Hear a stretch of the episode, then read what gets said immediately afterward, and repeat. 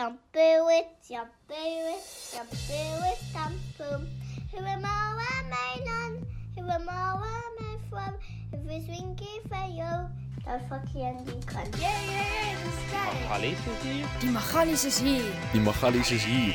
Kom sit, kom luister, dit het begin. Maak jou ore oop. Ga je het hier, kom luister, kom luister. Hallo Magalies, welkom. In hierdie episode praat ons oor die fondasies van moraliteit.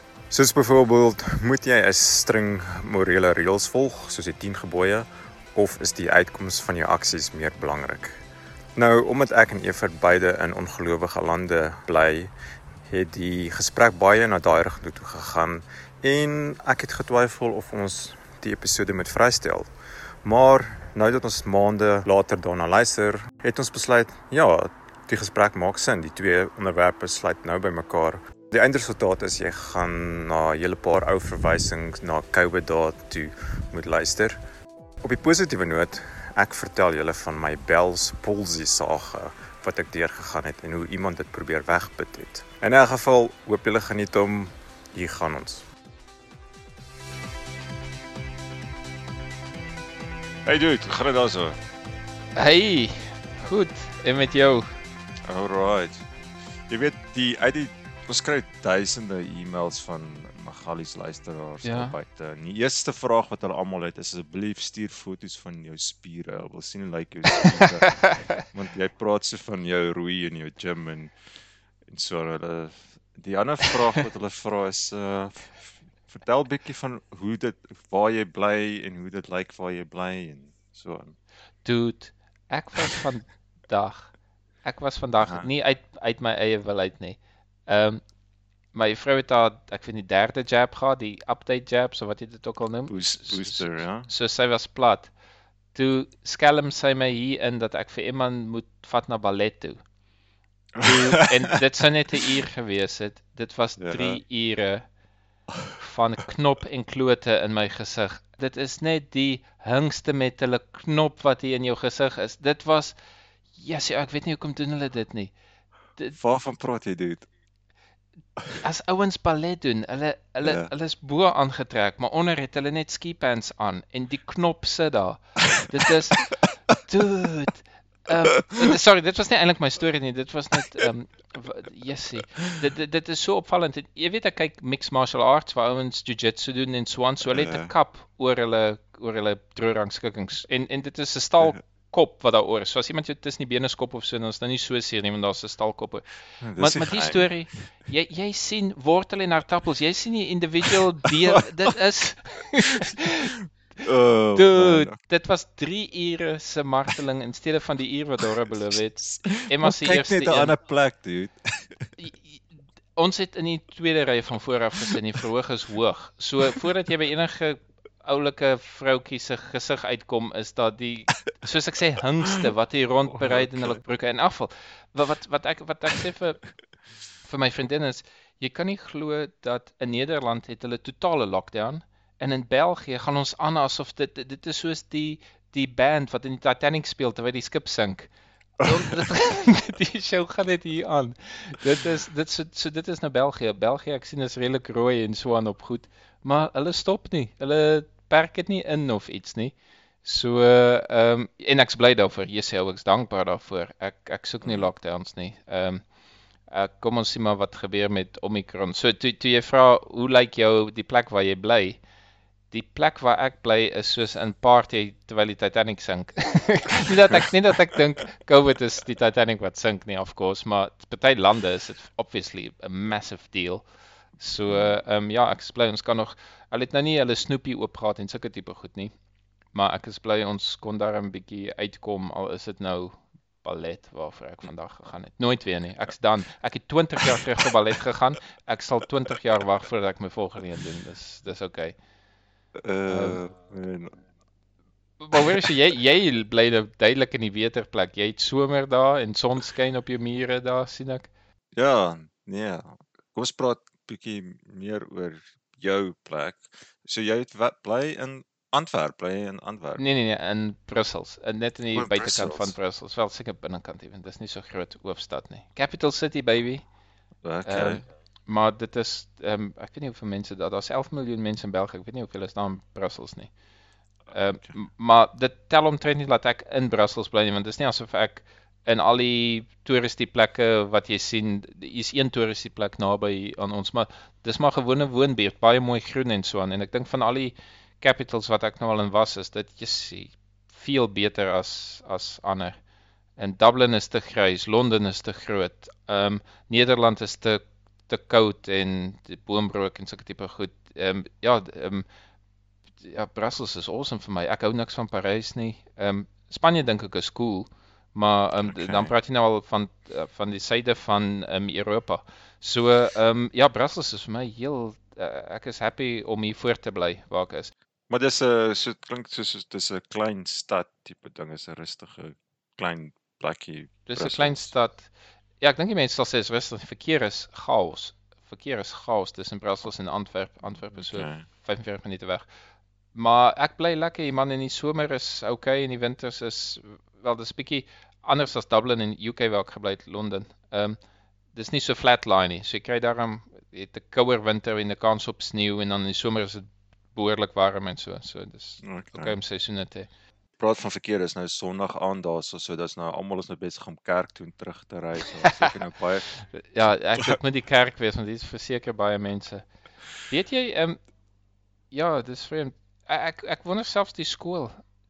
Is die skool wat Emma in het of die, tipe kerklike skool tipe ding, maar ek dink hulle kry lessies soos wat ons hy ons het Bybellesse gehad op skool en so Ja. tipe goed. Ek dink nie Emma is daar en sulke goed nie. Ehm um, Okay. Maar oor die algemeen, ja, ek wonder waar Bel België is di- dit is jy, jy weet as as ons praat oor die, die linkse politiek en so social justice Mm. warriors, jy hoor nie eintlik en sien nie eintlik sulke tipe goed nie.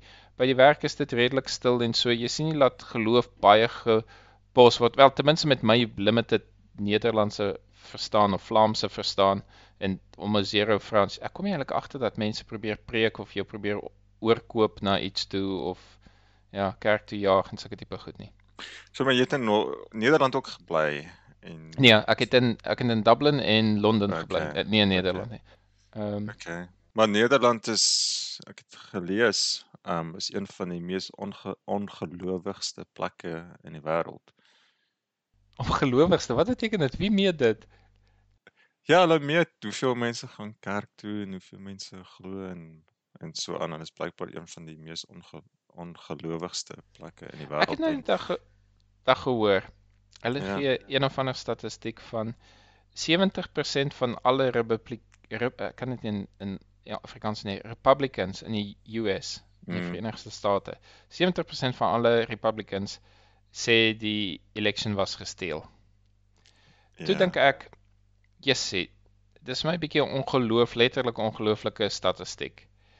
Dit is nie vir my goed genoeg om te weet dat 70% van die mense wat hulle gevra het, het gesê ja, dit is gesteel nie. My vraag is, hoeveel van daai 70% glo regtig dat dit gesteel is? En want ek dink 'n groot persentasie sal voel dis hulle job om te sê dis gesteel. Dis my span Mm. en die gevoel in my span, miskien as jy daai 70% vra, hoeveel van hulle sal sê hoeveel van hoeveel glo? Sal hulle sê wel 30% van ons genuinely glo dit, maar vir Mm. team play sê ons ja, dis gesteel. En uh, as jy nou Mm. vra vir my van wie gaan kerk toe of so, okay, so wat wat exactly meet jy hierso? Ehm, Ja, dit is interessant in Australië het hulle nou sulke statistiek. Ehm um, volgens die uh statistiek is 50% van mense in Australië gelowig. Maar ek moet sê, dan kyk ek rondom my en dan wonder ek waar is hulle?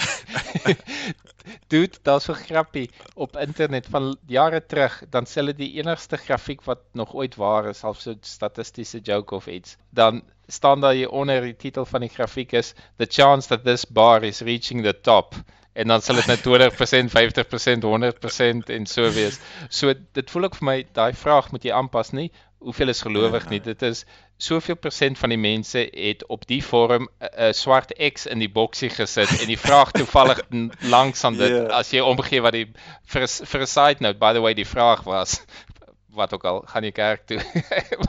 Dit Ja. yes, jy meet Ja. nie wat jy dink jy meet nie of jy meet nie wat die Ja. vraag sê nie. Verseker jy moet sensitief wees Ja. daarvoor.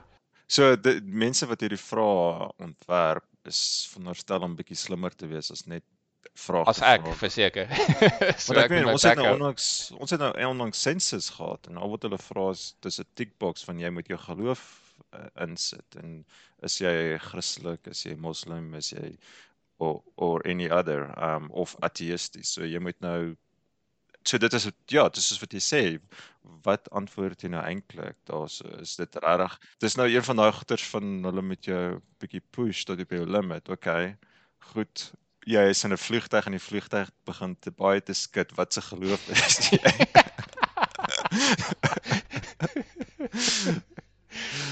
Ek gaan ja, jy gaan 'n groot um, ja, groot deviasie kry van jou gewone resultaat. ja, ek Ek vind nou weer so. aan 'n aan die ander kant moeilikheid gemaak het en gesê het in steede van nou moslim en wat wat is die grootste gelowe Rudolf by the way? Ehm um, Christen sal mens sê, moslim of Islam, ek weet nie as nee, Ja. Islam is die ja, ek weet nie. Um, Ja, so, dit is so, dit- ja, maar maar wat wat staan daar? Is iets Asiërs? Boeddhisme? moet O, Hindu, Hindu natuurlik. O ja, ehm, ja. So in steede daarvan dat jy Christen en Moslem en en Hindu sit, sit jy net Hindu en Abrahamic. laat laat al die ouens wat mekaar heeltyd doodskiet in dieselfde boks moet tik. O, gats. Ja, maar terug op die statistiek. So een van die ander statistieke wat hulle aanhaal met Australië is hoeveelheid mense wat min of meer een keer 'n week kerk toe gaan. Blikskot hulle probeer dit tel. Ja, maar dit is dis nie in die sensus veral in daai vraag nie. So ek weet nie waar kry hulle daai statistiek vandaan nie. So die hoeveelheid mense wat sê hulle is Christen of gelowig, enige geloof is 50% en die maar die hoeveelheid mense wat een keer 'n week kerk toe gaan is iets soos minder as 10%. Hmm. Ja, jy, jy moet nou half wonder where does the rubber hit the road? Ek meen, is dit is nou maklik om te sê jy's gelowig, maar om elke week kerk toe te gaan, dit is nou regtig om te wys jy is gelowig. My anecdotal evidence, my lived experience is dat meeste mense hierso is nie gelowig nie. Toe ons oor Permutation City gepraat het, het Francois was verbaas geweest want in Permutation City is daar 'n die kerk, the the church of the God who makes no difference. Ja, Dis half hy. een van die angles van Permutation City en François het gelees daaroor en hy het gesê die rede hoekom hulle hierdie kerk gestig het is want because religion went out of fashion. En François was nogal verbaas geweest daaroor dat hoe hoe kan hierdie skrywer nou dink religion went out of fashion maar jy sê um maar in Australië ja religion het is uit uit fashion uit. Um ons is al klaar daar en um die boek is nou 'n rukkie oud en as jy dis nou een van daai voorspellings in 'n boek wat al waar word dit um Australië is religion heel uit fashion uit en die kerke in Australië word oorgeneem deur die Ko- Koreans en Chinese en Stuur hulle sendelinge Australië toe. nee dit is soos mense mense wat van um China geëmigreer het of Korea geëmigreer het um um hulle neem O, jy meen nou dat hulle vryheid van 'n soort, Ja. ek weet nie wat nou nie noodwendig, miskien is dit moeilik om in hulle eie land te kry. Wel, dis net die Australiërs staan nie belang nie. Die Anglo-Australiërs, hulle staan nie die belang in Mm. geloof nie. So die kerke word oorgeneem deur ander kulture. Ehm Suid-Afrikaners ook onder andere. Daar's 'n hervormde kerk in Sydney wat Wow. baie suksesvol is. Hulle is ehm um, so suksesvol a- afgebranch na 'n tweede kerk. Ag, ek wil nou net sê, hervormdes het hulle opgesplit van die NG Kerk af. Ek kan al begin fight in Australië. Dis van ouds. Ja, so die ja, so die Aussies is redelik ongelowig. Iemand sal sommer 'n joke maak oor geloof. O ja, jy ja, weet nie of jy in fairy tales glo of so iets nie. Mense sal Jessie. mense sal aanvaar jy glo. Hulle sal hulle is nie Ah, ah, versigtig ah, om dit- hulle is nie Mm. versigtig om op jou tone te trap nie, maar hulle is hulle aanvaar almal om hulle is ongelowig. So ek weet nie waar die 50% Maar- maar- maar- kom nie. As ek nou dink hoe mooi Australiërs bestuur kan, ek wil nou nie eers daarvan aankla nie, maar sien jy dat hulle heidene is as hulle op die pad bestuur of vloek soos matrose of waar kom die heidenskap uit? Waar waar kom jy nou agter? Ah, okay, nou maak dit sin. Ek sien julle. Ja, maar dis nou hierso waar ons nou op vandag se onderwerp kom is Alright, wat is ons onderwerp? waar kom moraliteit vandaan? Waar kom wat vandaan? waar kom jou morele waardes vandaan? Waar kom jou Ah, wat is die okay. basis vir morele reëls? So so as mense in Australië heidene is, dan dan is hulle seker almal 'n klomp Sodom en Gomorra. ja, ja. Ja. I mean, O, van maar die, ek ek ek ek reken as as ek nou salf daaroor kan smeer. Jy meen, hoe Hmm. kan daar goed uit mense uitkom as hulle nie geloof het nie? Dit Mm, is half die stroman wat jy wel, dis 'n stroom sê, manier om dit te vra. Ja, is mense nog steeds goeie mense al is hulle nie gelowig nie. Wel, as ek jou kan herinner aan aan protestante geloof, is dit nie omdat jy goed is wat jy in die hemel kom nie. Jy's Hollywood, ek kan 'n paar lesse leer. Dit is nie uit goeie dade uit wat jy in die hemel kom nie, maar dis aanvaar Jesus as jou verlosser. Dit is hoe jy in die hemel kom. En die goeie dade ding is absoluut BS wat Hollywood opmaak van die met jou 3 deeds doen of so. Maar dan vreemd genoeg die Katolieke, okay, hulle is nou nie protestant nie, maar dan hulle ook goed Not van um, om saints saints te word. Wat is 'n saint in Afrikaans? Moet jy ook magic doen, magic tricks. Een van die drie hulle wonderwerke moet gebeur Mhm. om jou of iets en dan kan jy 'n saint word. Ek dink dit is 3. So ja, ek dink die protestante skop erg teen goeie dade en dan behoort dit nie 'n verrassing te wees vir protestante ten minste en alweer as jy nou kyk van Abrahamic, ons is nou redelik 'n paar levels down nie want ons is nie net in Christelike geloof nie, maar in protestante geloof wat jy sê, okay, so ja, goeie dade beteken niks.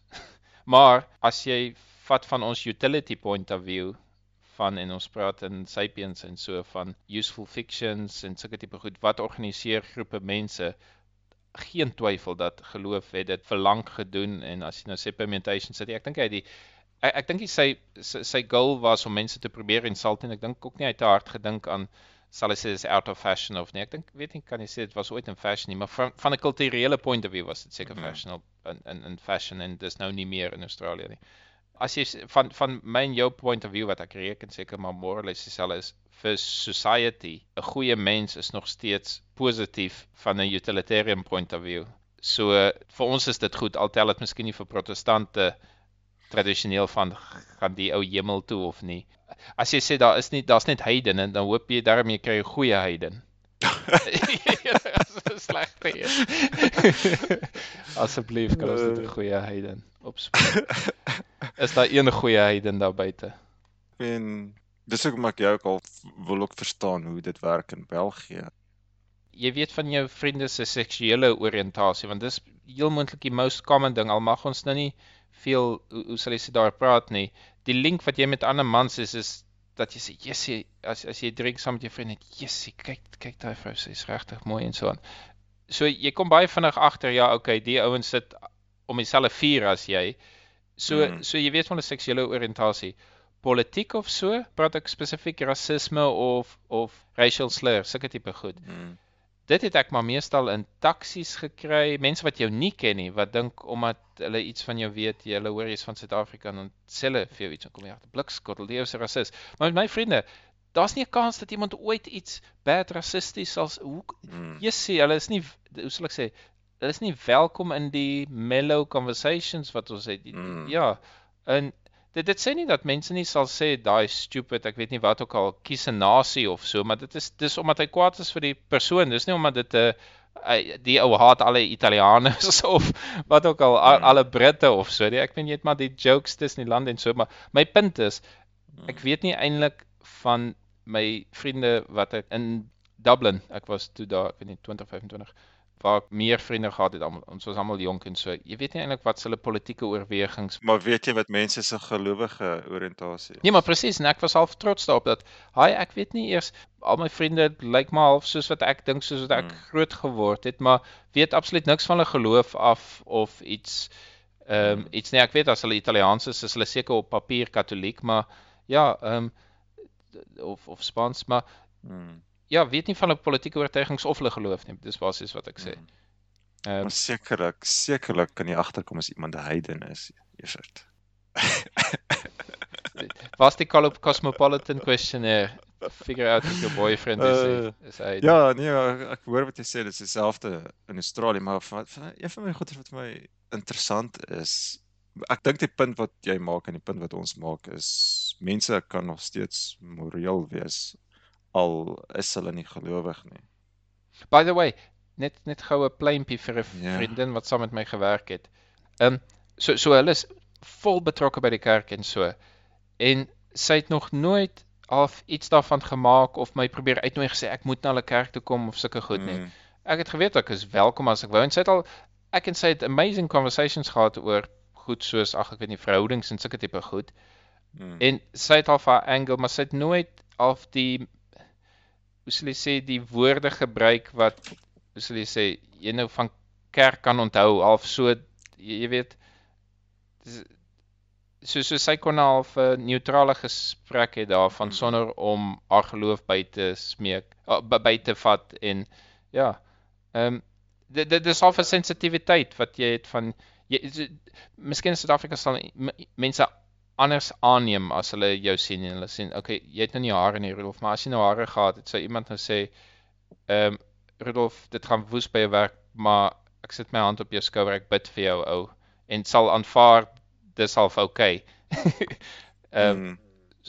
m- soos ek sê as jy nou hare gehad het nou lyk jy odd So ek dink as jy in jou kultuur is waar jy groot word, maak mense sekere aannames en miskien praat mense makliker oor sulke goed. Waar as jy half met 'n gemengde groep expats is, hoe hoe sal jy sê, jy gaan niks daarbey baat om 'n rugby reference in te sit as almal nie rugby kyk nie. Mm. So hoekom sal jy dit doen? Ja. En miskien dieselfde met geloofsreferences. Ja, ja. Interessant wat jy sê van van iemand wat 'n hand- hand op jou skouers wil sit en sê wat ek wat jy gesê ek bid vir jou wat ook al. Ja, dit so tipe ding.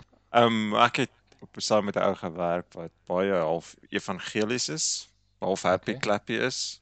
So wat half met die Bybel in sy arm rondgeloop het by die werk en so aan wat nogal heel skaars Australië? is. In Australië, ja, is Okay. nogal heel ek meen dis uh, ja, jy sien dit nie en uh, maar op daai stadium het ek Bell's palsy gehad. Ek het Bell's palsy gekry op 'n O stadium. ja, jy het vir my vertel, halfte van jou gesig het nie gemove nie. Ja, s- so ek het een van die nerve damage gehad in my gesig en die helfte van my gesig was verlam gewees. En dit is. Dude, het jy dit agtergekom of het iemand anders vir gesê Rudolf jy is af of het jy in die spieël gekyk en dink dink jy wat dit doen? nee, ek het dit agtergekom. Ek het 'n pyn Bliksem. gehad, pyn gehad op by die hoek van my kakebeen, waar my kakebeen en keel bymekaar kom. Het ek 'n en dis 'n klier wat daar sit. So dis die klier wat 'n infeksie gehad het wat die senuwee basies doodgedruk het. Ehm Stelselmatig of eendag toe was dit net stelselmatig. Ah, okay. So ek het die pyn gevoel en ek het dokter toe gaan en die dokter het uh gesê, "Ag, oh, okay, jy het net 'n klierinfeksie en dit het net erger en erger geword en toe bestaan toe kom ek agter my gaan iets aan met my gesig. My gesig begin lam voel. En teen die tyd wat ek by die dokter uitkom, toe's my gesig begin verlam raak en en toe die stupid dokter ek het sommer na een van een van 'n cheap kliniek toe gegaan want dit het gevoel dis half dringend. Ehm um, toe ehm um, tyd wat ek by haar uitgekom het, toe sê ja, nee, jy het net 'n bietjie klierinfeksie, hou net aan om die antibiotika te gebruik. Dis ek vir kyk my gesig, iets gaan aan met my gesig en daai stadium is my gesig al begin verlam raak en dis daai mond half oopgeval en gesê, "Oké, okay, gaan uh, emergency toe." Wat so stuur jy weg? Toe stuur sy my hospitaal toe. Ja, ehm um, toe het hulle my dadelik opgeneem, redelik gou opgeneem. Maar maar, maar vertel vir my jou hartrate en jou gemoed. Is jy in panics of Ja, want jou gesig verlam. Ek nie jou agter gesig het Ja, natuurlik. Ek sal ek ek wil nou jou nie aan het om om 'n woes te wees nie, maar ek sal totally woes out op so 'n event. Ja, dit maak nou 'n lang storie van hierdie event, maar dis seker 'n interessante storie om te vertel. Ehm Ja, solank dit jou gesig is. Jy um, ek sien hospitaal en die dokter ondersoek my en so en hy sê niks nie. Hy vra, "Het jy al ooit 'n hartaanval gehad? Het jy al ooit 'n beroerte gehad?" Is daar mense met drie bene in jou familie? yes, jy hoor en, en maar hy sê niks nie. Hy sê niks nie op 'n stadium breek ek. Ek sê, "Dokter, weet jy wat's fout met my?" Hy sê, "O ja, en ek weet presies wat's fout met my." jy het Bell's palsy. maar En dit steeds vir my En hy Goed. vertel my wat Mm. Bell's palsy is, is jou gesig is verlam, dit is dis 'n tydelike kondisie en ek sê o, dankie tog, dis goeie nuus. en hy sê, "Oké." maar ek meen ek ek hy vra vir my of ek beroertes gehad het en so aan so Bell's palsy was ja. vir my die goeie nuus. Upgrade. gewees. Ja, toe het Wow. ek vir omtrent 6 weke rondgeloop met 'n verlamde gesig. En dis was interessant geweest om mense se reaksies teenoor jou te Blink jou oog te- nog? Nee, Die ander blik, Ja. so wat wat draai oogklap of raak dit net droog? Dit raak droog en ek moes dit met my hand knip. Blikskottel. So so dis dra. dis wat is dit? So so die swelling maak dat daar geen nerves by dat jou jy kry geen signals van jou brein af na jou spiere toe nie. Wel die geswelde klier was net die begin daarvan. Ek my Mhm.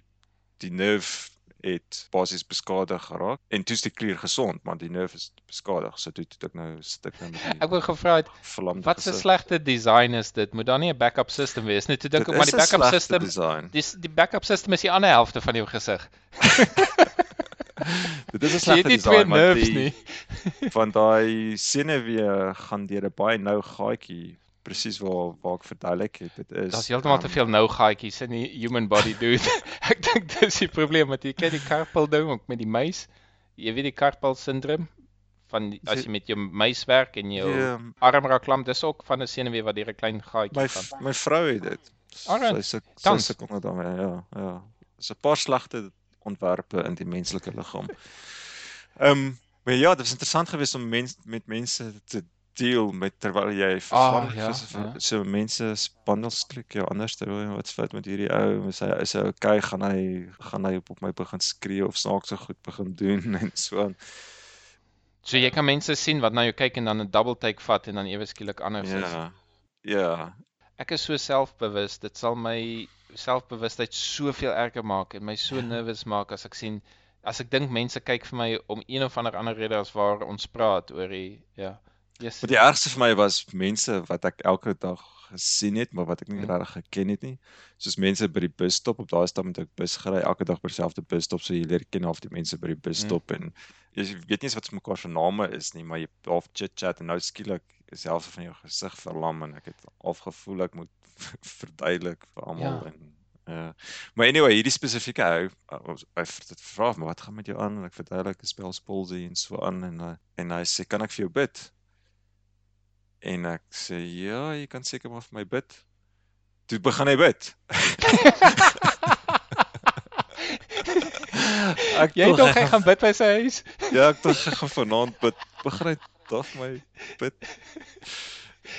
Jessie, Dit ou, ek kan dink dat daar ek dink baie mense in Suid-Afrika, Afrikaners sal ongemaklik wees daarmee en sê wag wag wag wag wag. Ja. Wow, jessie. Wow.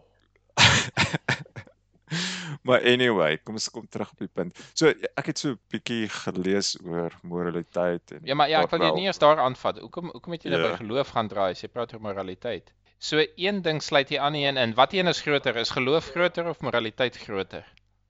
hang af wie jy vra. Nee, nie nie belangriker nie. Is geloof deel van moraliteit of is moraliteit deel van geloof? Okay, ek gaan jou op 'n baie akademiese koue manier antwoord. Ek gaan jou nie sê wat dink ek nie, ek gaan jou Mhm. sê wat ek het die So laat ek my hier oopmaak en soek vir al die groot woorde wat jy gaan drop op my. So daar's hoeveel sewe tipes van wat Okay. geloof? Wel, jy praat nou van meta-ethics, Wat sit in Afrikaans? Meta-etiek? as jy so sê. Met, met meta-ethics. Meta met meta meta-ethics. Meta-ethics. So Okay, waar ja. kom ethics vandaan? Waar kom jou moraliteit vandaan? Kom dit van geloof af? Kom dit van iets anders af? Dis basies wat jy vra is hoe hoe word jou moraliteit opgebou?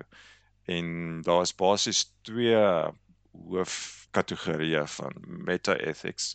Een is consequentialism waarvan ons al gepraat het toe ons oor die trollies gepraat het. So met consequentialism kyk jy wat is die effek van jou aksies? Jy doen 'n daad is dit daai daad Intensies goed of tel nie. Dit is net die uitkoms, nie. ja.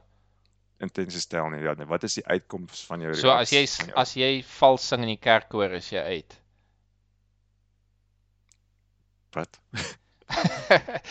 Vir my is die ultimate ding van intensies is Ah, al okay. wat tel. Die voorbeeld is in die kerkkoor kan almal sing.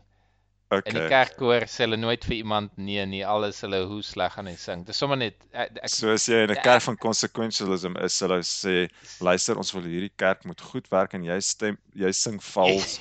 So dit maak nie met jou. saak hoe hard jy glo nie. Jy dra jy Ja. dra nie by tot die kerk. En, Ja, en ek moet sê dis sommer net ja. my storie. Ek kan nou nie sê dat dit regtig so gebeur het nie, maar in my kop is dit hoe 'n kerkkoor Ja. werk. Ehm Ja. So consequentialism Consequen- is die een ja. been en die ander been is um deontology. So deontology gaan meer oor die reëls. Dit gaan So daar's sekere morele waardes en reëls wat ons het en ons sê ons moet daai morele waardes en reëls moet nastreef. So Maar- Mhm. Ons het al gepraat of ek het daaroor gepraat want ek kan nie help om in sulke goed te dink in kan op wiskundige terme dink dink nie van ek ek dink ek het gesê Pythagoras was nog altyd waar van die begin van die universe af tot die einde van die universe. Dit is 'n Ja. feit. Jy kan dit iets anders noem, maar dit bly Okay. dit bly daai formule, die Ek sien waar jy gaan. Ja. So moraliteit is nie dit nie. Daar is nie net een truth nie. Ek sal ewen sê dit evolve oor tyd. Dit, dit voel my daar's 'n baie close deel van kultuur en moraliteit. Hulle is neighbors. Pythagoras se stelling, die die sum of two squares. Daai ding is waar van die begin van die universe af tot Mhm. die einde van tyd. So dit was iets wat ontdek is, maar dit was altyd so en niemand het 'n ander weer wel, jy kon 'n ander weergawe daarvan gehad het, maar daar's nou net een en ons weet dit is waar jy kan dit bewys en so aan. Moraliteit Hmm. vir my verander, voel vir my verander oor tyd.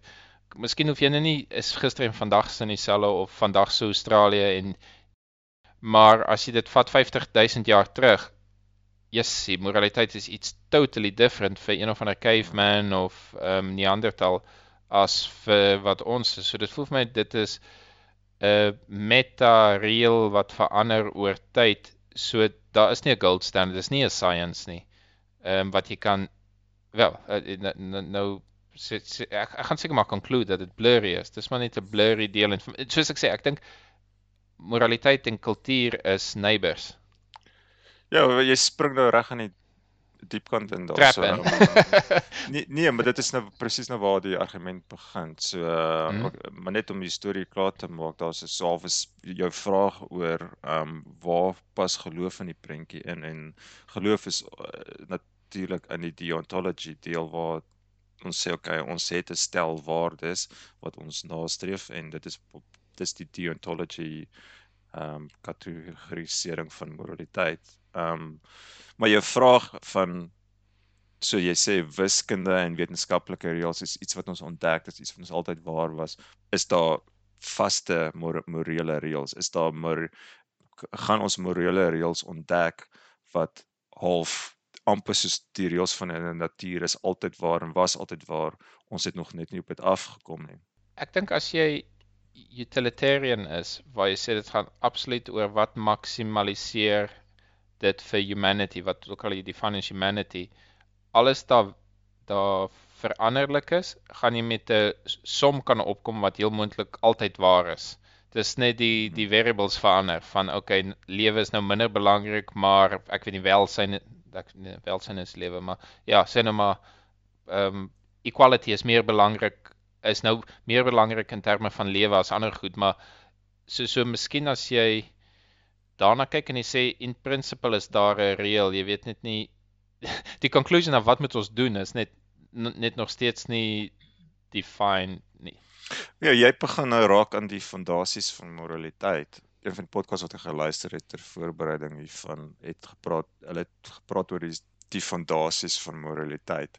So die fondasies van moraliteit is om so harm, fairness, purity, authority en group loyalty.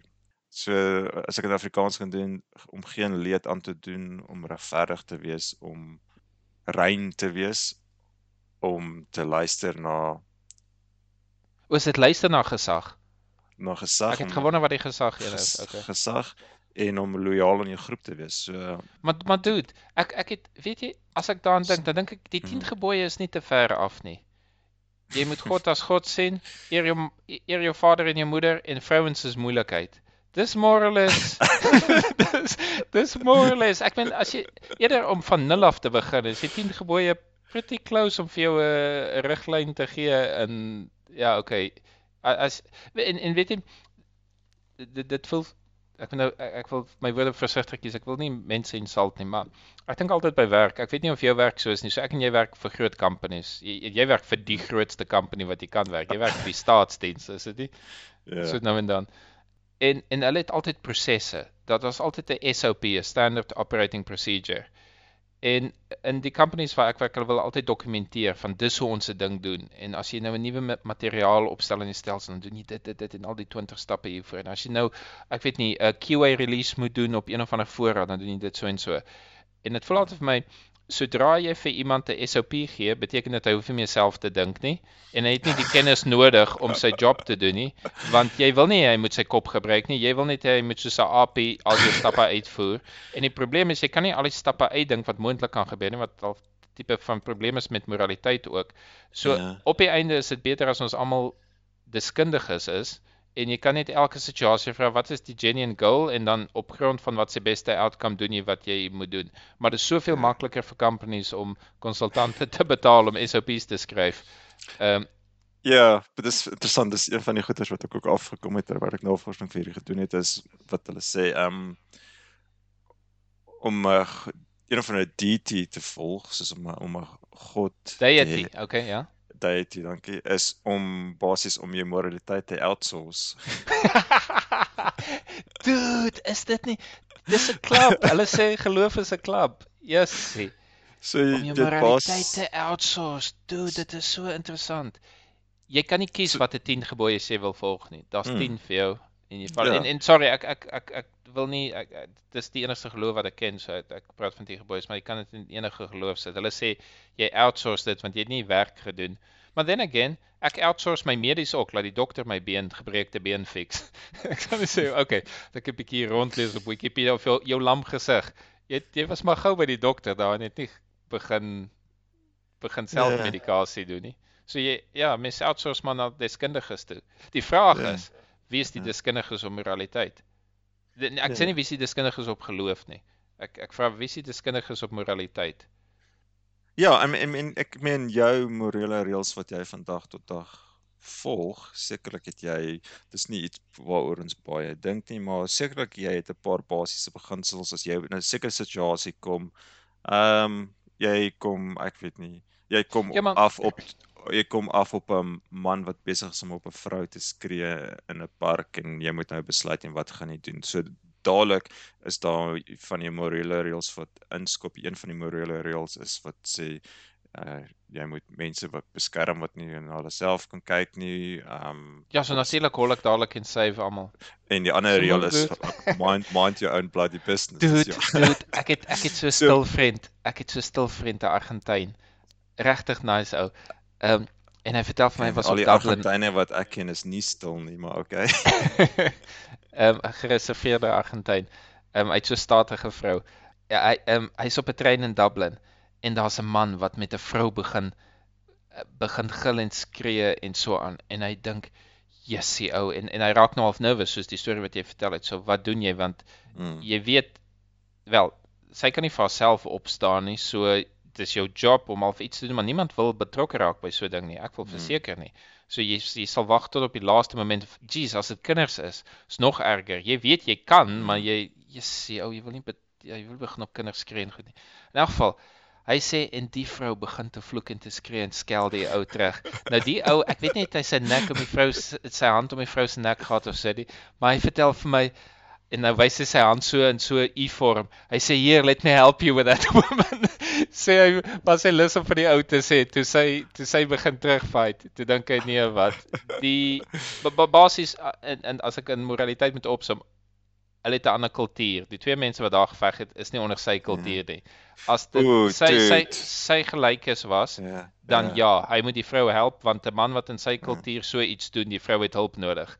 Die Ja. hier wat die vrou met die ou beklei het, die ou het nie 'n patch teenoor die vrou gesê wat sy vir hom teruggesê het nie. So ja, okay, daar werk dit anders. Ehm um, Ja, dit ek moet, sê in Australië sal ek versigtig wees om in te meng want die vrou sal vir my kwaad word. Sê wat wat dink jy kan nie opstaan is vir myself vreemd nie? Ja. Miskien miskien is Ja. dit hulle hulle act om iemand te moer, haar man se vuis te juk en dan besluit hulle, okay, skree 'n bietjie op my liefie, dan kan nie iemand moer as hulle as hulle interfereer. Maar my punt my punt wat ek wil maak is in so 'n situasie dadelik skop daar morele reëls in, maar ek meen hoeveel van daai morele reëls het jy self op self uitgedink? So so Ja. so so laat ek vir jou dit vra. Het ons dan nie het caveman morals gehad? Is morals net as jy bewus is van jou keuse, as jy jou keuse oordink? Of wanneer wanneer raak dit 'n moral? So die ou wat op sy vrou skree in die trein. Ja. Dis nie Okay. sy dit is deel van sy Wel- morele mondering. So op 'n manier jou vraag het te doen met theory of mind. So Ja. theory of mind is die idee dat ek weet hoe jy voel in 'n sekere omstandighede. Ja, soos wat kinders nie het nie of of klein kindertjies nie het nie. So ek weet as iemand op jou skree, ek weet dis nie lekker vir jou nie want ek weet dis nie lekker vir my nie. Ja. So jy het theory of mind nodig om te weet dat iemand word benadeel of iemand um is in 'n slegte posisie en dan O, en dis- baie mense baie mense met met ehm um, hoe sal ek sê verstandelike ehm um, deficiencies het probleme met sulke tipe goed. Ag, ek weet nie wat die een dit is. psigopate is, 'n voorbeeld. Het probleme. Psigopate het theory of mind. Hulle weet hulle het baie goeie theory of mind, maar geen het nie moer om nie. Okay. Maar terug by jou vraag by die caveman. Ek meen daar is sekere da- daar's sekere beginsels wat ons waar daar half 'n ooreenkoms is tussen ons morele waardes en ons evolusionêre um, sielkundige effekte soos byvoorbeeld altruïsme of Ja. groep te kyk na jou groep wat gel- gelink is aan altruïsme. So jy jy het half 'n inherent behoefte om te mense te help om jou en dis kom van altruïs so dis 'n altruïstiese instink en daar is 'n biolo daar is moontlike biologiese evolusionêre verduideliking daarvoor. Ja, ek dink enige iets wat super negatief is vir jou in terme van evolusie en voortbestaan, gaan altyd 'n slegte idee wees. Maak nie saak of jy dit een of ander pirate trail maak of satanisme of enige goeie geloof, enige iets wat jou bevolkingsgroei gaan negatief beïnvloed gaan unlikely wees om vir lank te bly. So so as as die enigste ding is wat jy kan hê om vis te eet en jou moraliteit sê ek eet nie vis nie. Ja, dis dis 'n mooi idee, maar jy gaan nie lank genoeg leef om daai gewoonte vir langer te hê nie. Ja, maar ek meen ons spesies het ver verby evolusie gegaan. Ons het van ons moraliteit is baie van ons moraliteit 'n hele paar stappe verby ons net ons evolusionêre behoeftes. Daar's Ja. sekere evolusionêre behoeftes soos jy moet jou groep beskerm ten alle koste. So enige ander groep wat in kontak kom met jou groep, jy sal hulle uitmoor want jou evolusionêre instink is om jou groep te beskerm. En Ja, ons ja, maar- maar- vandag sê ons ons ons doen dit nie meer nie. Ons weet ons doen dit Wa- nie meer nie. Ek reken wat ek wil sê is dat geloof het nie die monopolie op alle reëls nie. Soos jy moet jou naaste lief hê soos jouself. Dis Mm. hulle het nie die trademark op daai frase nie want dit is wat jy moes gedoen het om te survive tot nou toe. Um in general as jy caveman was, moet jy jou jou buddies help en so aan. So dis nie noodwendig dat enige gelowige reël is invent deur die geloof nie. Dit is inherit deur vorige gewoontes of van dit ten minste. Mm. Ehm um, soos byvoorbeeld moenie 'n ander ou doodmaak nie wat ek in 10 gebooie is. Mm. Ja, dit dit was nie dit was nie eerste keer met geloof waar mense my genade ek nog nooit so daaraan gedink nie. Dit was iets wat Mm. verseker al vir jare, duisende jare daar was dat dit gaan sleg as jy mense net moer oor, oor die kop slaan en hulle gaan dood elke keer as jy kwaad raak vir hulle. So en en, en ek dink Ja. dit, dit net om dit terug te bring. Dis hoekom ek al van die begin gevra het watter een is die super groep moraliteit of geloof, maar ek dink dit is sommer net 'n klomp overlaps waar waar geloof gaan oor 'n deity, moraliteit gaan oor moraliteit as 'n filosofie eerder as oor 'n spesifieke rede waarmee jy die moraliteit het. En dit gaan net oor moraliteit in general, waar geloof is 'n baie spesifieke ding en sluit moraliteit in, maar ook ander gewoontes en gebruike en so wat nie noodwendig moraliteit is nie. Wel, ek dink jou geloof jou geloof is jou flavour van moraliteit. Ja, maar jou geloof sluit ook in om sonnig in die kerk te wees wat niks te doen met moraliteit nie. Dis net 'n gewoonte of 'n practice. Dit sê niks oor moraliteit nie. Mm. Ehm um, daar's psigopate wat psigopaat nie bad nee nee, daar's moordenaars wat sondags na kerk toe gaan. Dit beteken nie sy moraliteit is okay, dit beteken net hy gebruik van die gebruike van geloof. Ja, maar hy's teen teen en iemand wat nie regtig sy hart is nie in die saak nie. Ja, for sure nie. Nee, maar dis kom ek sê die die die die moraliteit is tog waar jou hart is, nie nie wat jy Mm. noodwendig doen nie. Wel, Ja. again, hang nou af wat wat 'n tipe van jy praat, is dit jou intensie of nie? Maar ek wil jou angle op jou omdraai. Mhm.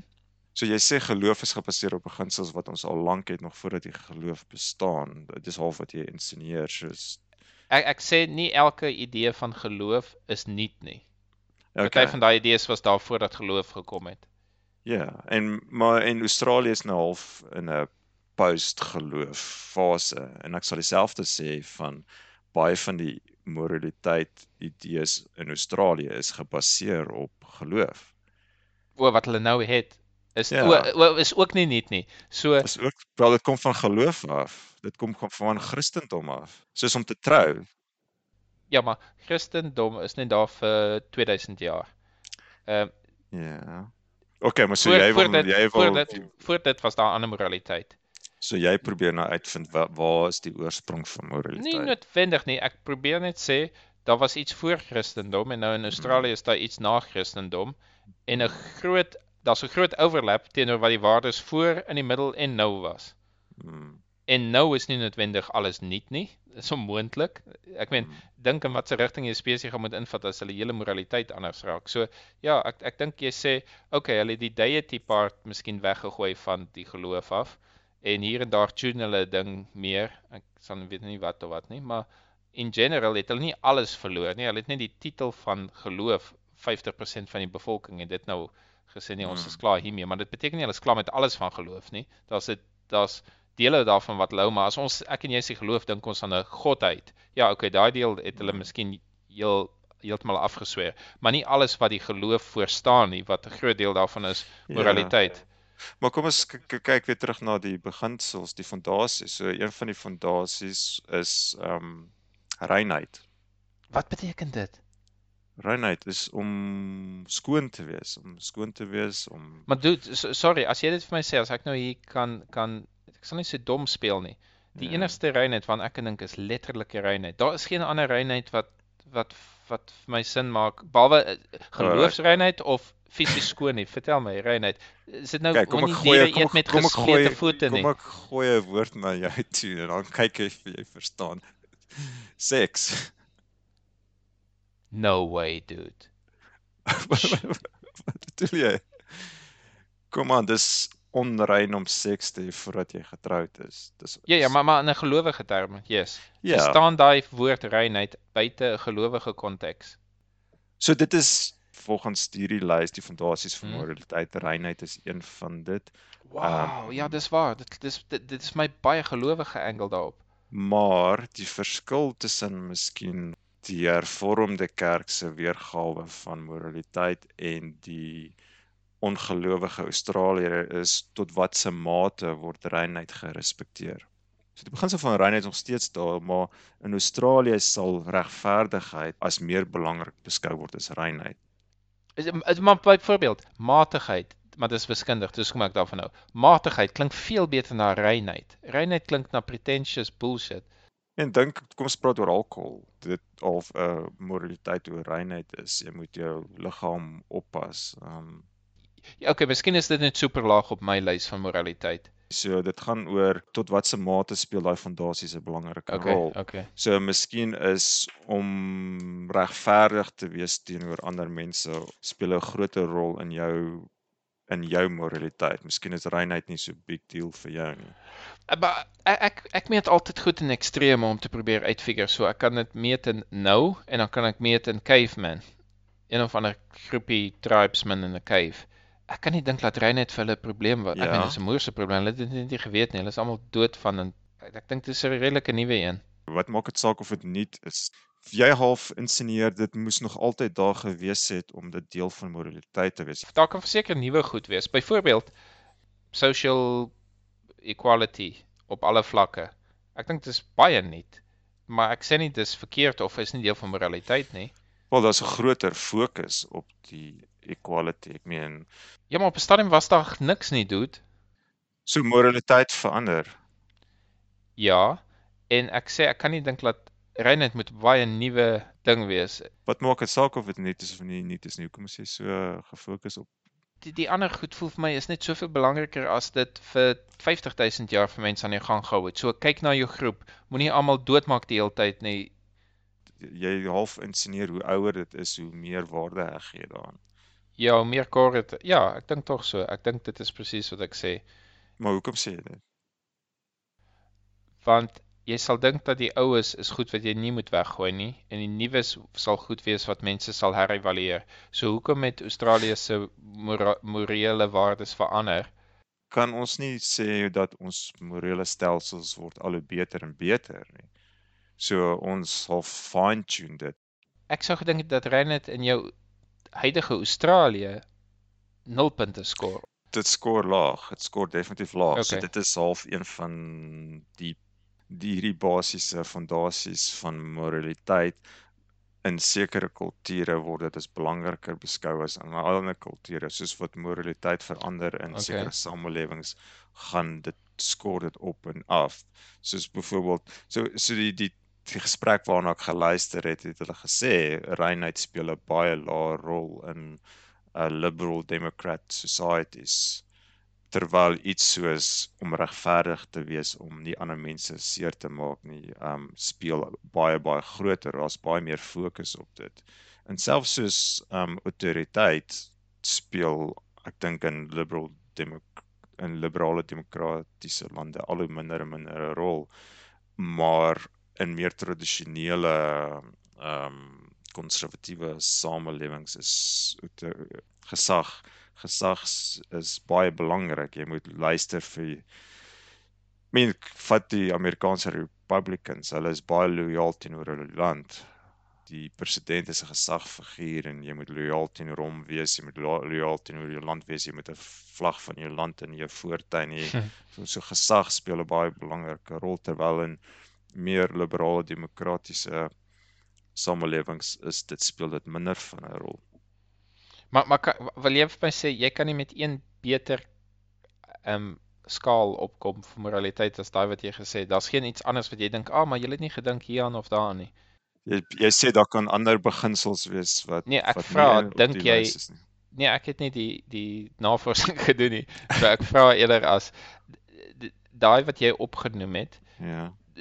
Maak dit vir jou sin dat dit die volle sk- full, full scope is van die sliders wat jy kan hê vir moraliteit. Is hy koud op die een of warm op die een en en Mm. al alles wat daarmee saamkom in daai grys areas van die ses of so terme wat jy genoem het. Volgens jou is dit die complete set. Daar's nie Nee, ek ander weet nie. Ek weet nie, dis nou net een, dis nou net een stel reëls of een Mm. stel fondasies wat wat die praatjie wat ek geluister het bespreek het gesê hulle ehm um, en die die lys is ook al groter en kleiner gemaak oor tyd, maar so dis nie dis nie 'n uh, dit is nie die ultimate truth nie. Dis nie die ultimate wat sê okay, hierdie is die sewe basiese beginsel van moraliteit nie, maar dit is maar tog dit illustreer, ek dink illustreer die punt dat daar is basiese fondasies van moraliteit en sekere kulture streef sekere fondasies meer as ander na en sekere daar's ook groot ooreenkomste soos die hervormde kerk sal sê ja, ons stem saam met hierdie ene hierdie ene dink ons is nie so belangrik nie. Ehm um, so um, dit, dit jy kan jy kan half dit gebruik as 'n maatstaf om die ooreenkomste en verskille tussen morele stelsels te okay. bestudeer.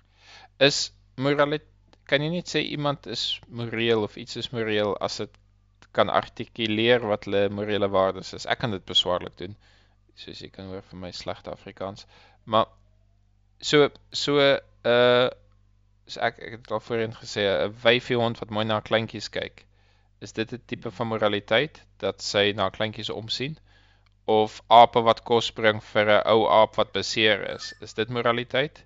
Hulle doen iets wat ons sal sê help die groep of so. Ehm um, is 'n caveman wat die pa help sy seentjie om iets te doen.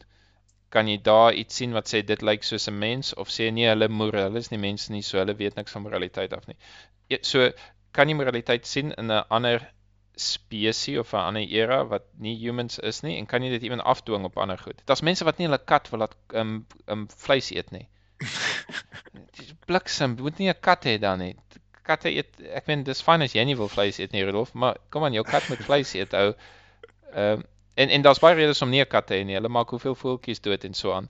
Maar kan kan jy moraliteit afdwing op aan uh, Chucky my hond met die twee bruin selle, hy mag nie teen die muur hier piepie as ons verby ander huise loop nie want dit is freaking huise deur en daar's 'n deur op die straat uit letterlik op die straat. Ons loop teen in die huise venster verby want dis kind of apartments. Daar's nie beddings of so voor nie so klein straatjie. So Chucky mag nie teen die muur piepie nie. So ja ek gee vir hom 'n morele waardes. Hy gaan nie moer om nie. As ek nie daar is nie PA verseker daarteen.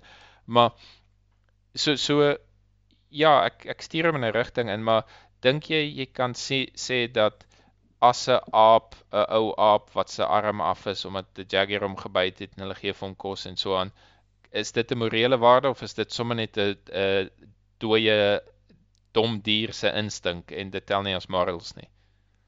So so so my Ja, vraag ek is wanneer het dit- wanneer het morals in die human species ontstaan?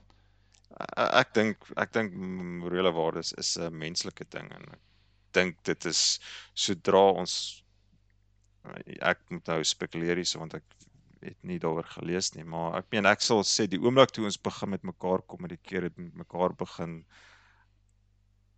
deals maak het sê Evert ek los jou vrou uit as jy my vrou uitlos. Ek dink Mm. dit is toe ons begin morele waardes het en en ek het na Sean Carroll geluister. Ek het, jy het ook 'n stukkie van Sean Carroll geluister waar hy ook praat oor morele waardes en soos byvoorbeeld hy sê hy's nie 'n vegetariër nie. Hy dink is okay om diere te eet.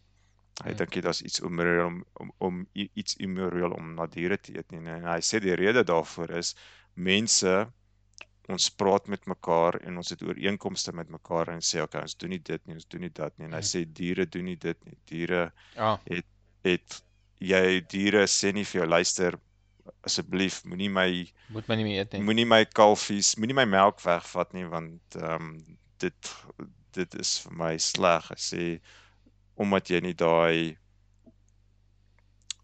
daai uitruil van waardes kan doen nie, is dit oukei okay om Jy sê die aliens gaan ons opdonder.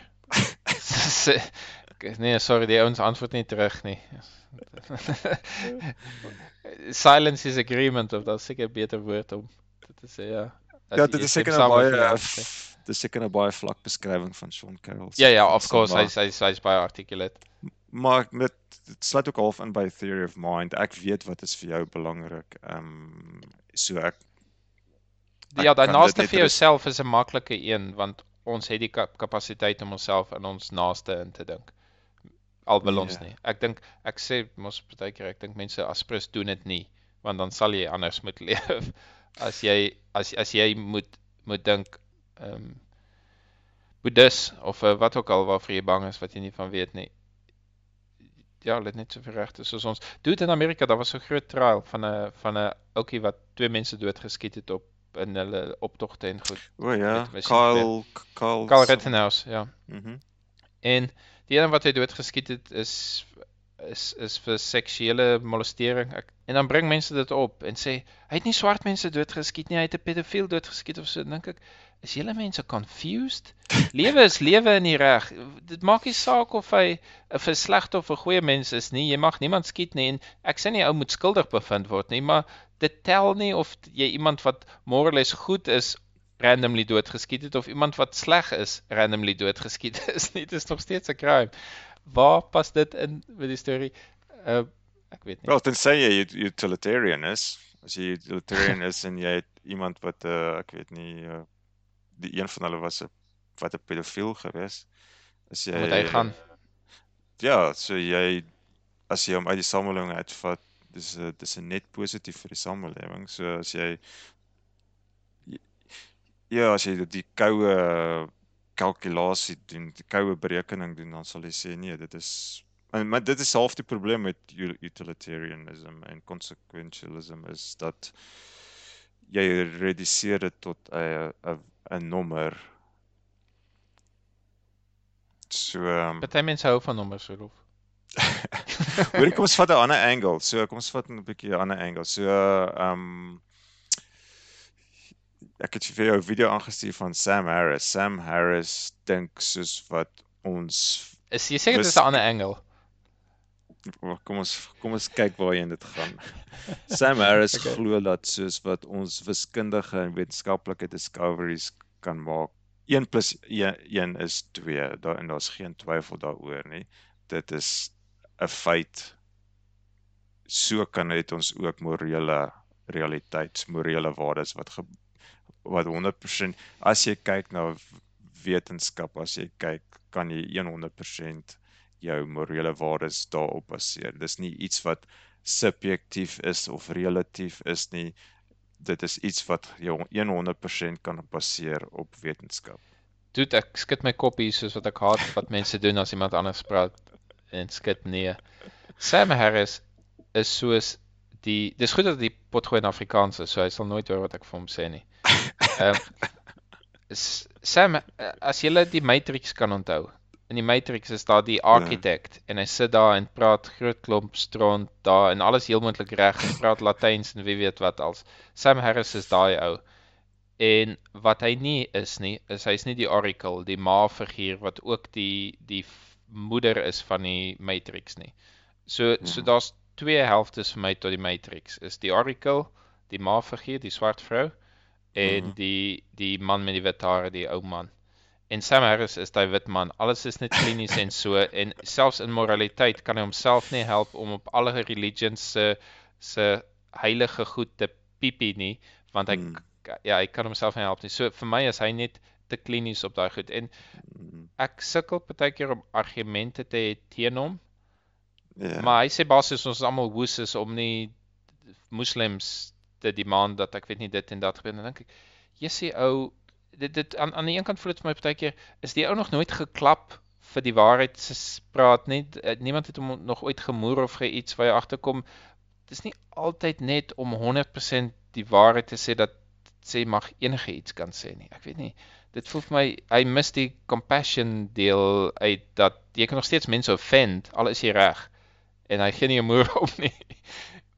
Jy sê Samara sê ons kan al op papier uitwerk wat moraliteit is. Hmm. Ek dink hy kan moontlik reg wees vir homself, maar sy gevolgtrekking is empty want jy kan dit nie toepas in vandag se samelewing nie want mense operate nie so nie. So as hy 'n nuwe matrix wil begin, ek mm. gaan nou nie aan met die matrix, maar as hy 'n nuwe samelewing wil begin waar mense niets anders ken nie, dan is sy input heel moontlik goed en jy kan sê okay, of as jy sê hier's die eindgoal, ons wil hier wees oor 200 jaar. Okay, Samaris, gemaak die lys vir ons. Gaan werk jou wiskunde uit, jy weet hoe om al die logics te doen vir die goed. Stel vir ons waar ons moet wees. Mm. Maar net om te sê ons is almal vol stront, hier's die lys van hier's die nuwe 10 gebooies van Sam Harris. No, no mm. thanks. Ehm um, dit hy is net te klinies vir my. Daar's te veel goed waarvan ek hou wat hy vir my gaan sê ek moenie meer doen nie. En ek rook nou nie en ek drink nou nie te veel nie, maar heel moontlik is elke druppel nou nie elke druppel maak seker my brein sal dood. Daar's te veel goed waarvan ek hou van die lewe wat ek nie wil sê ja, Sam, jy's eintlik reg, ek moet dit nie doen nie. Ja, ek stem saam met jou. Wel ek daar is ook iets van Sam Harris in daai lyn wat my pla. Ehm um, en ek sny kan nie my vinger mooi daarop sit nie. Ehm um, Weet jy dis soos as jy as jy gym toe gaan, jy wil graag sterk word en spiere hê soos ek. dis dis die stupidste running joke wat ons het. En en jy sê, "Oké, okay, ek wil ek wil graag gaan." En dan sê iemand vir jou, "Oké, okay, geen probleem, Rolf, jy het regtig al die potensiaal om om so sterk te wees soos Evert." Maar jy moet 7 hmm. dae weer kom werk en so of of jy kom die eerste 3 dae en sê ek, "Ja, goed, jy moet sien jou môre weer." Wat? Môre ja, môre weer en die dag daarna en dag daarna.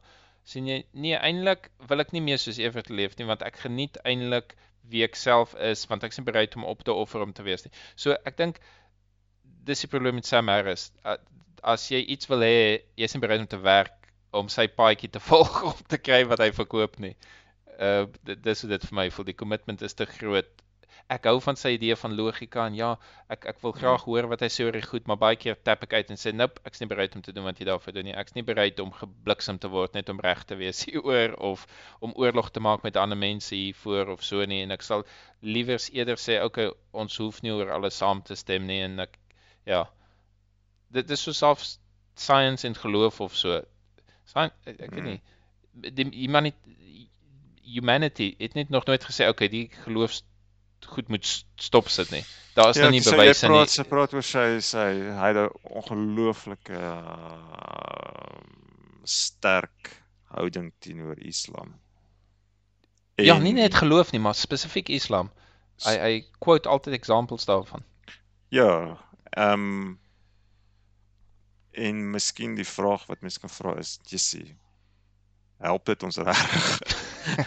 help dit ons regtig dat jy so afgaan oor Islam? Jy kan jy mense kan kyk na die cartoons wat hulle gehad het. Waar was dit in Blikskottel ou in in Frankryk waar hulle um, Charlie Hebdo waar hulle Ja. uh, ouens opgekom het en ek weet nie hoeveel mense doodgeskiet het. Ja, en obviously is daar iets groots fout as jy iemand wil doodmaak oor 'n cartoon. Maar ja, is dit regtig nodig om daar te gaan krap om regtig regtig so so erg te krap? Um ek weet nie. Dis dis ek dink dis wat jy half pla van Sam Harris, maar Ja, vir, vir my daar's nog steeds 'n dat daar's daar's reeds reëls jy mag mense doodmaak nie. So dit is unfortunately die enigste justice wat jy kry as jy met jou doodmaak is. Jy mag dit nie doen nie en daar's een of ander vergelding. Hulle kan nie weer lewendig maak nie. So sy Ja. houding oor moraliteit is hy gebruik sulke voorbeelde in die boek van hoe sleg ons redeneer oor goeters en hoe sleg ons intuïsies is en hy sê ons behoort nie ons eie intuïsies en ons eie denkprosesse denkprosesse te vertrou as dit gaan oor morele reëls nie. Ons moet gaan kyk ons moet kyk na die science. Is dit hy wat gesê het jy kry kwalifikasies vir alles, maar as dit met moraliteit kom, vertrou jy, hy het iets regtig grofs gesê, iets van vertrou jy ou wat daar in 'n grot sit iewers om vir jou te vertel wat vrouens mag doen en nie mag doen nie. So iets bliksem. Okay, ek ek hoor wat hy sê. So so en en, en dis iets moois wat jy aan die begin gevra het. Waar kom moraliteit vandaan dink ek het jy gevra. Dit voel vir my dit kom van my ouers af. En my ouers sal Ja. sê dit kom van hulle geloof af, miskien eerder as wat hulle sal sê dit kom van hulle ouers af. Ek weet nie. Ek dink die gesin en en dis weer dis my mooi wat ek gesê het oor die gebooie is eer jou vader en jou moeder.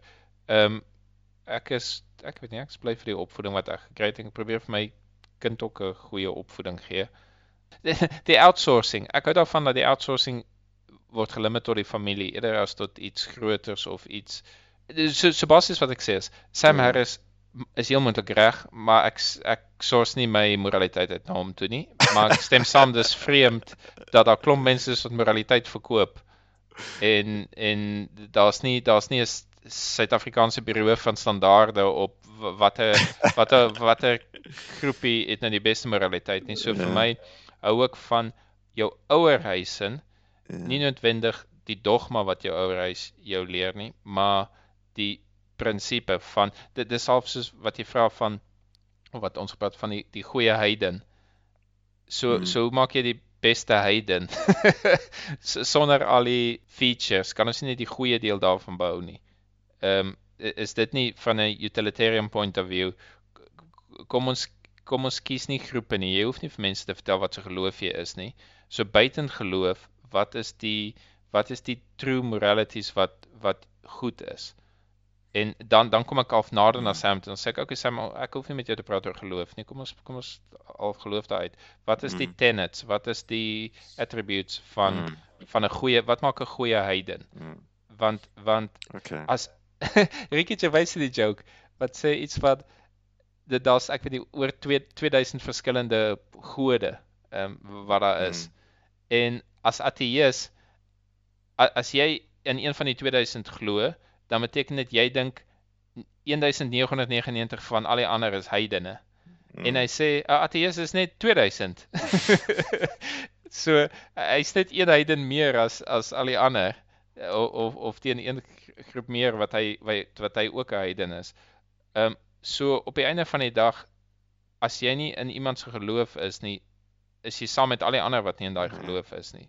En die vraag is Okay. nie hoe maak jy die beste in jou eie geloof moraliteit nie. Wat is die beste moraliteit vir almal al is hulle Okay. nie in jou geloof nie. Dit, en en vir my voel dit die antwoord daarop is wat jy vir jou kinders leer. Wat en Okay. wat wat jy geleer het by jou ouers wat nie die geloof insluit nie. Kom ons kom ons hardloop nou 'n oomblik met Sam Harris. Kom ons gee hom so 'n bietjie the benefit of the doubt. Um Alright. een van die soos hy reken hy reken daar's een basiese beginsel wat jy moet volg om wat jy al jou morele reëls op kan baseer. O, wat? Nie vertel ons dit nou op podcast nommer 20. Vertel my. Six o'clock news, ja. Rek, o oh ja. Hy reken as jy kyk na mense se ondervindings, die bewussyn. Vir Sam Harris gaan alles oor bewussyn natuurlik. So uh, het jy 'n goeie ondervinding of het jy slegte ondervinding? Ons wil tog hê mense moet goeie ondervindings hê, mense moenie slegte ondervindings nie. En hy sê jy kan jouself verbeel daar is 'n wêreld waar almal net goeie ondervindings het of daar's 'n wêreld wat almal net die uiterste slegste ondervindings het. En hy noem daai plek hel. en ons moet so ver as moontlik wegbly van hel en so ver as moontlik nastreef om soveel as moontlik almal positiewe ondervindings te gee. En hy reken dit kan die basis van dit kan die van die een fondasie wees wat alle morele waardes dryf want enigiets wat nie voldoen aan daai reëls nie enigiets wat vir jou is op die lang termyn die bigger picture 'n slegte ondervinding ondervindings gee, slegte ervarings gee is iets wat jy moet vermy. So hoe voel hy oor non-humans? So d- los dit vir hom spesifiek of of jy moet vleis eet of nie of jy die koei moet doodmaak of nie? I mean jy wil hê die koei moet 'n goeie lewe lei ten minste en jy wil, Wil jy? die koei Of of praat hy om die max die maksimalisering van die human experience? nee, hy praat van enige O, van van Ervaring. van alle lewe maybe. Die, wel alle ervaring, enigiets wat ervaring het. Okay, so dit is nou weer 'n variable want dan gaan jy nou vra. Dis dieselfde met um, wat jy gesê het van fair. Ek dink fair is 'n nuwe Ja. invention. Ek dink fair was vir duisende jare nie daar nie. Fair was die ou met die grootste grootste knopkierie. Dit was fair. En as hy nie gehou het van wat jy doen nie, besluit hy dis nie fair nie en hy moer jou en ja, so ek dink fair is in die laaste, ek weet nie, 10000 jaar eers aangekom. Dit so so wat jy gesê het is fair. Okay, fair is so wyd soos die heerser genade as ek nou. Afrikaanse uh, uh, nee nee fair is is so wyd soos kan grys wees. Ek weet die hele law is grys. En ek dink ervaring is net so grys. So jy Ja, vervang net een probleem met 'n variable wat ook nog nie define is nie. Van wat is ervaring? Want nou sê ons, okay, so is mense, is dit diere? Ehm um, is dit visse? Is dit insekte? Iewers een van die tyd gaan 'n groot klomp mense sê dis nie ervaring nie, so hulle moere. So dan Ja, kan okay, maar ons jy delf net dadelik in die moeilike gevalle hoe O, jy jy meen net om die wêreld vandag beter te maak. As ons net daai prinsipel van hom volg, mm. gaan ons al aansienlik beter doen. Ja, so as ten minste as ons as mense is, wil sê okay, ons wil hê almal alle mense moet die positiewe ervaring hê. Kom ons werk daaraan. En, en nou vra jy die volgende vraag, okay, nou wat van diere? Nee, nee, okay, ja. kom- Okay, so dis nie goed nie. So okay, kom ons vat sy beginsel en Hmm. solve een of ander iets moeiliks. Israel en Palestina. Ek meen Ja. dit help jou boggerel. Hoe kan jy sê dit help jou bokkerrol? Ek meen jy wil Want, tog want dit hê- gee nie 'n antwoord tot die probleem nie. Jy kan nie net sê okay, die een nasie moet die ander nasie verwoes nie, want dan is dit sleg vir die nasie wat jy verwoes. Hulle het 'n slegte ondervinding as hulle uitgeroei en um vermoor word. Duidelik 'n slegte ondervinding. Maar dit die probleme hoe jy dit gaan doen is natuurlik moeilik want yes, as jy kyk na die Israel-Palestine konflik is dis baie kompleks en is honderde jare Doet wie oud. hoort in watter land? Ek meen dis is dis die baseland van Suid-Afrika. So jy sit nog steeds met jou challenges van hoe jy sekere probleme oplos, maar jou basiese beginsel staan, jou basiese beginsel kan al hierdie goed dryf.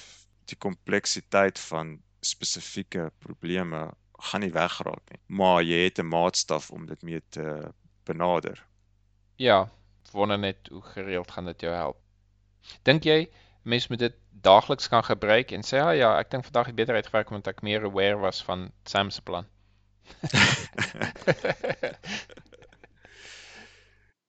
Ja, ek dink wa- wat jy sê is the devil is in the details. Ek meen op die einde van die dag so een van ons heel eerste podcast het jy gesê, "Oké, sê vir my wat moet ek vandag doen?"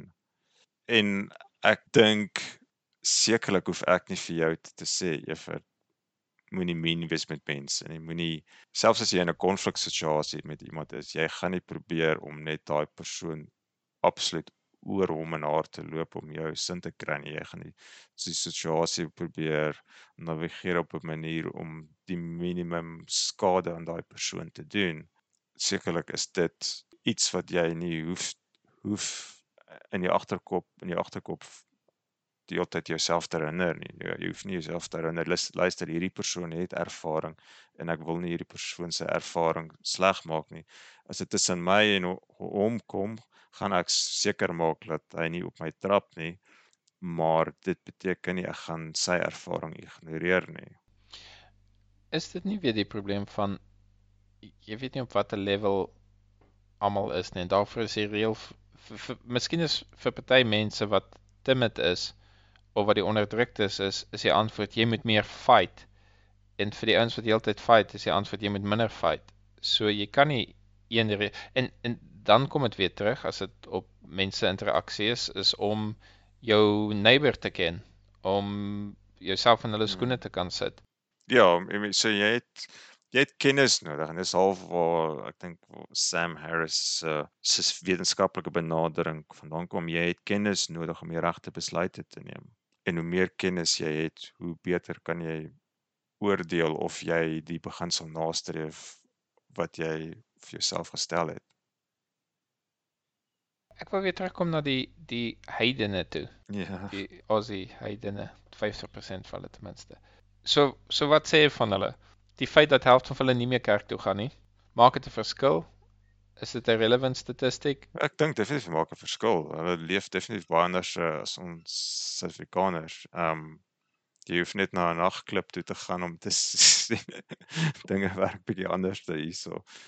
Dis vir my een van die areas waar dit die mees duidelikste verskil is tussen Suid-Afrika en Australië is die die seksuele vryheid as ek dit so kan stel wat daar in Australië is wat die manier hoe vrouens aantrek en en die- manier hoe die ouderdom wat hulle begin om seksueel te wees en dis een van die mees duidelikste mees obvious maniere om te sien dat daar verskil is tussen die morele morele beginsels in Suid-Afrika en Australië. I mean in I mean seksualiteit is iets wat pretty big deal is in geloof, veral in Suid-Afrika geloof en jy kan duidelik sien in Australië daar's baie baie meer relaxed daaroor. Ja, dis my scary want di- di- dis of soos met schooling.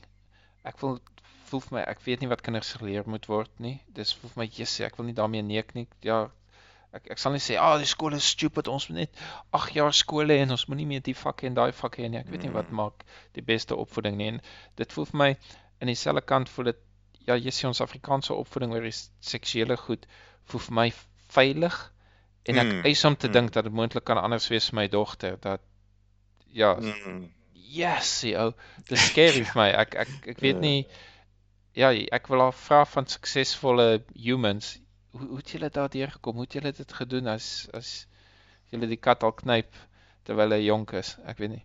Ja. Ons moet net tot 'n gevolgtrekking hier kom. Ek voel rarig ons het gesukkel vandag. Dink jy dat die nuwe generasies Ja. dink jy dat daar 'n vektor is? Gaan moraliteit in 'n sekere rigting in wat jou bekommer? Nee, ek sal dit nie sê nie. Want ja. want ek dink daai tipiese ding. Kom ons kom ons probeer dit. Kom ons probeer die twee goed te versoen. Ouma en oupa wat kla. Wat sê die jeug van vandag dit of dat? so jy, jy praat nou oor waar kom moraliteit vandaan? Sam Harris gaan ons almal red. Het 'n plan vir vir vir ons te doen. Maar dink jy sal jy sê mense is immoreel? Jy sê die Australiërs is slief. Ek dink slief is die woord. Maar maar Ja. Okay, dit lyk nie asof hulle ten gronde gaan nie. Miskien op 'n gelowige vlak kan jy sê wat religie dan betref, ons heel met 'n klomp ek dink meeste gelowe behalwe die cults waar almal mekaar knyp, sal sê okay, dis te wild. So Islam, ehm um, Hindu, al Christen, almal sal sê okay, dit is te wild. Julle is die padbuiste. Mm. Maar behalwe vir dit klink soos ek se dapper meisie, maar behalwe vir dit en behalwe vir daai een en behalwe vir al die drank en behalwe vir dit, dink jy dink jy hulle is op die verkeerde pad. So so dink jy ek dink jy kan mens sê daar's te veel moraliteit of te min. Ek dink me- mens kan ek dink dit is je- 100% 'n goeie eksperiment nie want Mm. Australië geloof speel nog steeds 'n groot groot rol die beginsels die die basiese beginsels wat Christendom neergelê het in die land of geloof neergelê het in die land. Meeste van die politikuste is gelowig. Alhoewel meeste van jou daaglikse ek weet nie wat die persentasie is nie, maar die prime ministers van Australië, daar's dink twee wat ek kan aan dink wat ateëste was, maar meeste van hulle is Christene en die huidige prime minister is 'n happy clappy. Ehm um, so geloof speel nog 'n Ja, jy sê as jy vat in politiek, ja. Ja, geloof speel nog 'n baie groot rol in Australië en ek dink baie van die morele beginsels wat mense volg is gebaseer op die fondasies wat geloof neergelê het die land. Ek meen soos ek het gesê soos trou om te trou. Ek meen ehm um, okay, ek weet sekerlik kan 'n mens nou ingaan en sê okay, maar trou was nie altyd 'n geloof ge, gebaseer op geloof nie, maar definitief die flavour van om getrou te wees in Australië is gebaseer op die Christelike beginsels van mm. wat dit is om getrou te wees. Okay, ons het nou same sex marriage ingebring na 'n groot groot boei. Ehm um, maar die oorspronklike beginsel daarvan is gebaseer op geloof. So al is geloof nie meer wat moraliteit dryf in die land nie.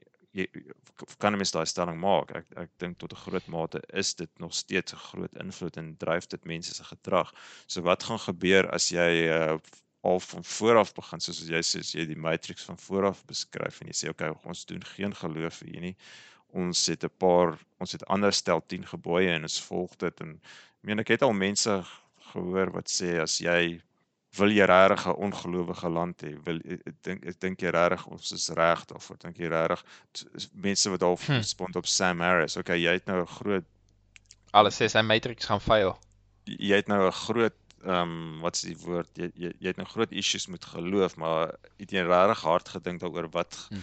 gaan gebeur as 100% van die samelewing nie gelowig is nie? Wat is dink jy regtig alles kan nog bymekaar gehou word? En ek ek weet nie wat die antwoord is nie ek dink nie Australië gee vir jou bring jy baie nader aan daai antwoord nie ek wil iets sê van Six Sigma ken jy die Six Sigma black belts en green belts en goed Ja. Toe toe ek van die Six Sigma hoor, Six Sigma is hoe hoe sterk ag ek weet nie een van hulle statistiese bevinding is. En Six Sigma beteken dis ek weet nie 99.9999 ek weet nie hoeveel persent sure dit so aan vir die 6ste Sigma. Ehm uh, maar basies hulle verkoop 'n sertifikasie aan jou en dan kan jy nou onder aan jou naam sê jy's 'n Six Sigma black belt en so aan. Dit dit gaan basies oor process improvement en gewoonlik is dit in manufacturing waar jy letterlik miljoene goed maak sodat jy nou so op die fynste komma komma dit dit dit akkuraatheid kan meet en so aan.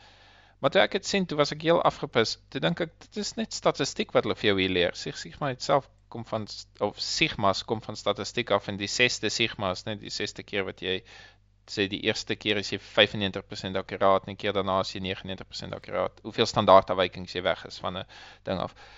En basies wat hulle doen is hulle het existing goed gehad wat jy ek weet nie op universiteit of op skool leer en hulle het dit gepackage onder hulle label wat hulle dit kan verkoop as Six Sigma en jy moet elke week vir hulle betaal. En ek sê nie geloof is 'n ruse nie of of of ehm um, kerk is 'n is 'n geldmaak skema nie. En indeed as dit 'n geldmaak skema was, dat daar seker beter maniere om geld te maak as om 'n kerk te maak. Maar ehm um, ehm um, die feit dat hulle goeie gewoontes en reinheid en en moraliteit saam package onder mm. NG Kerk of H wie herstigte nou sê ek al weer met die HMP hervormde kerk en en die AGS en so sit beteken nie dat hulle dit invent nie. So dit, vir my voel dit ek ek hoor van die boogeyman van ja, wys my nou al 'n land wat daar niks is nie en hoe dit daar gaan. Maar dit sê nie hulle het die monopoly op op die goeie beginsels nie en dat ander mense nie ook kan goeie beginsels hê en, en ook dink ek dit is presies daai tipe ding van bang wees vir die ander kulture of bang wees vir die onbekende wat maak dat jy dit vrees en dit wil veg by default want jy weet nie en iemand kan jy maklik bang praat en sê in die donker is daar dit so ons met die donker veg.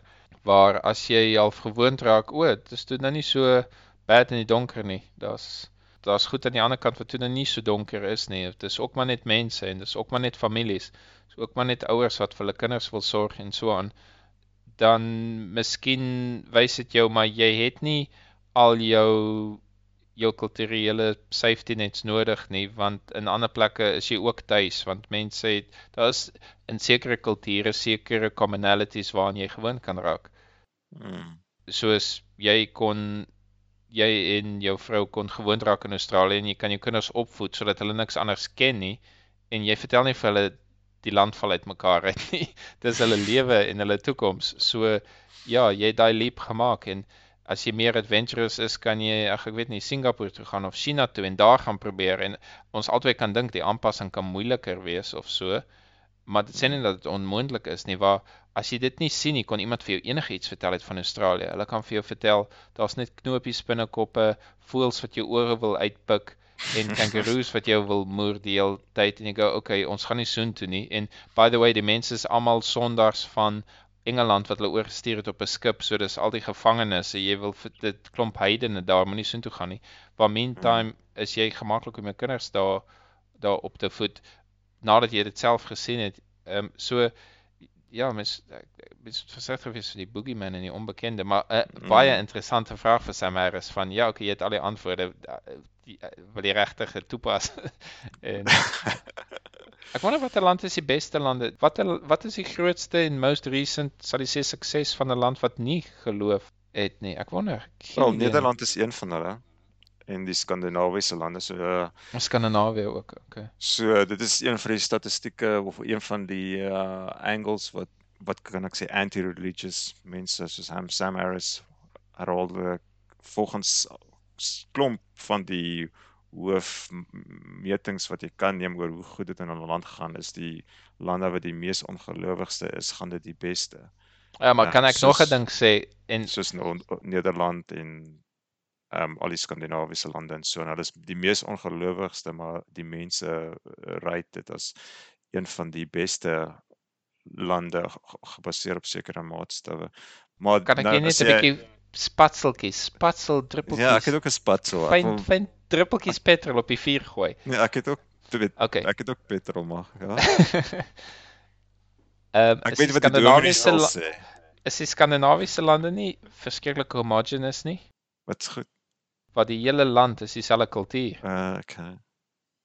Ja, nee, so dit is nie asof asof jy die superarmes daar het, die agtergeblewenes, die wat mm. onderdruk is, al, alhoewel hulle het daar mense by the way, die Samis in um in Swede of so, die die reindeer mense en so aan, maar van hulle hoor jy nie want daar's so min oor. So ek dink as jou society in elk geval almal dieselfde is, almal praat Afrikaans, almal gaan sonderdags wel nie sonderskool nie want dan net jy dit maar ek, ek dink as almal dieselfde goed doen almal sing dieselfde liedjies op skool en so aan dan aansienlik hmm. makliker om te sê ja ons het nie geloof nodig nie want ja jou kultuur is dieselfde so geloof het jou nie anders gemaak as 'n ander groep nie dit is nie die hele groep is die is dieselfde waar as jy klomp verskillende kulture en dan is dit miskien makliker om te unite onder 'n geloof want jy kan nie onder jou vlag unite nie want mm. ek sê nie jy kan nie maar die vlag maak nie dat al die mense wat links en regs van jou is dieselfde hmm. lyk like as jy en so lank is soos jy en dieselfde kleur vel het as jy en dieselfde taal praat nie.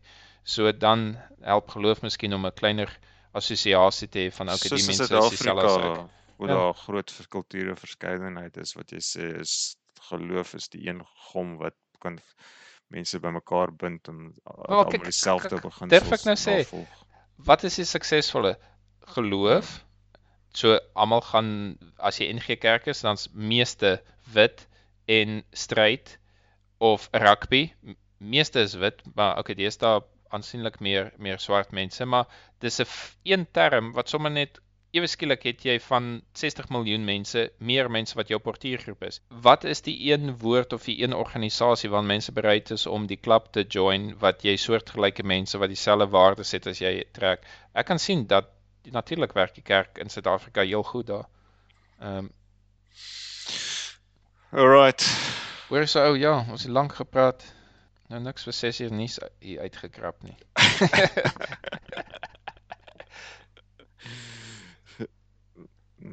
ons ons, yeah. ons ja. ons kom ons beloof 'n deel 2 hiervan waar ons waar ons hom nou uitsort in in in series 17. Ja, jy weet, I mean, ons het uh, free will opgelos in een episode. Ons het die doel van die lewe opgelos in een episode. Um, Ons is 'n bietjie moeg nou. mor mor moraliteit is 'n bietjie moeilik een om in een episode op te los. Ja. Ja. Miskien sal ons 'n tweede episode hê. uh, right, dude. O, oh, goed gaan daar. Lekker om Okay. te praat. Cheers. Cheers.